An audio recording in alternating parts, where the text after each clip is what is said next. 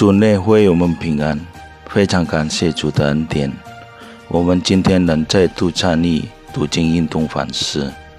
读经运动反思之前，请阅读本日读经运动的经文和请阅读本日读经运动的短诗。主内的弟兄姐妹们平安。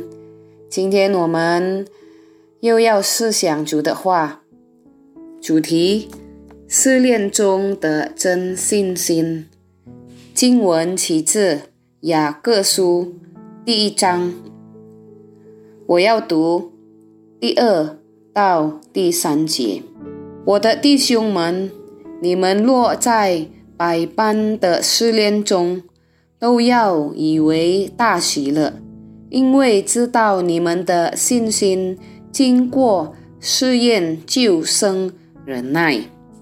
我们先预备我们的心，我们低头祷告。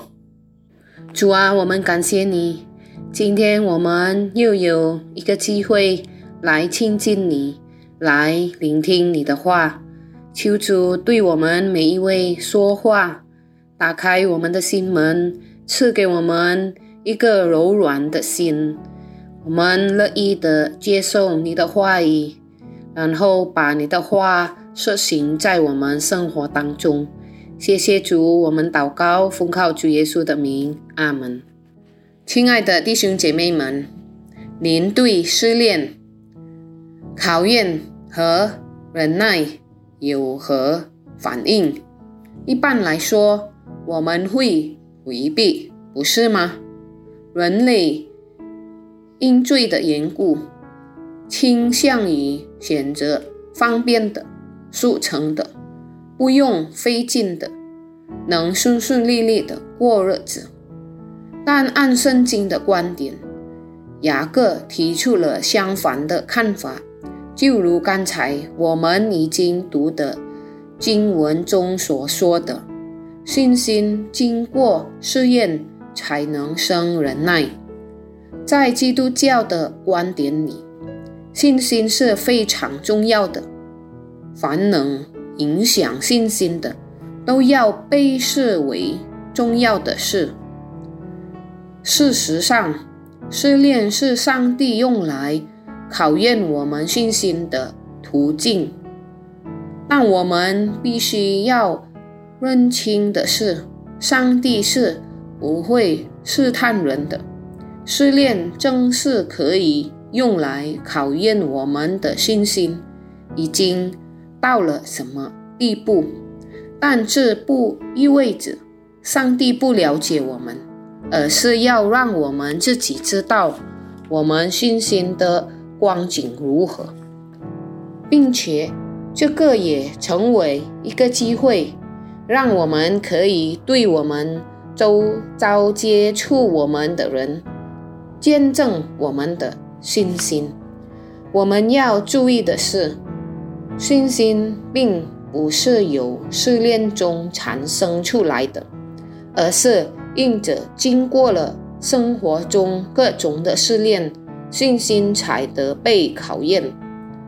与此同时，当信心接受了百般试炼时，就会产生忍耐。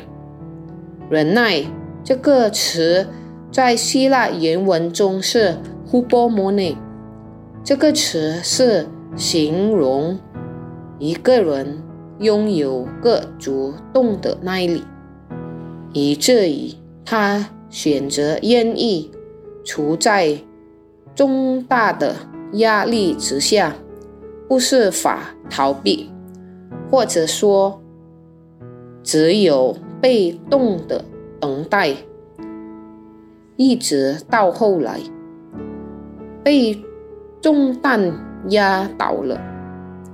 因此，雅各说：“人受。”试探的人是有福的，所以并不是未曾被试探的人，或者能轻易克服各种试探的人，才算是有福的。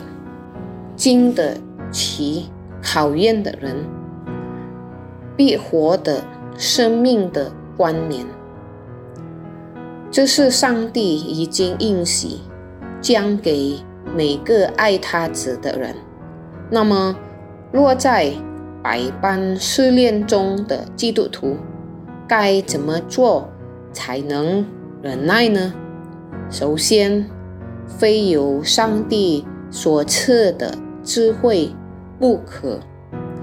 因此，我们需要凭着信心向上帝求。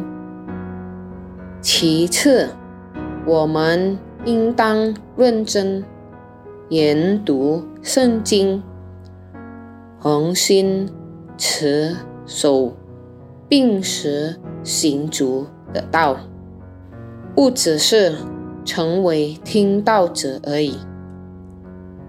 弟兄姐妹们，您是否已经向上帝求智慧？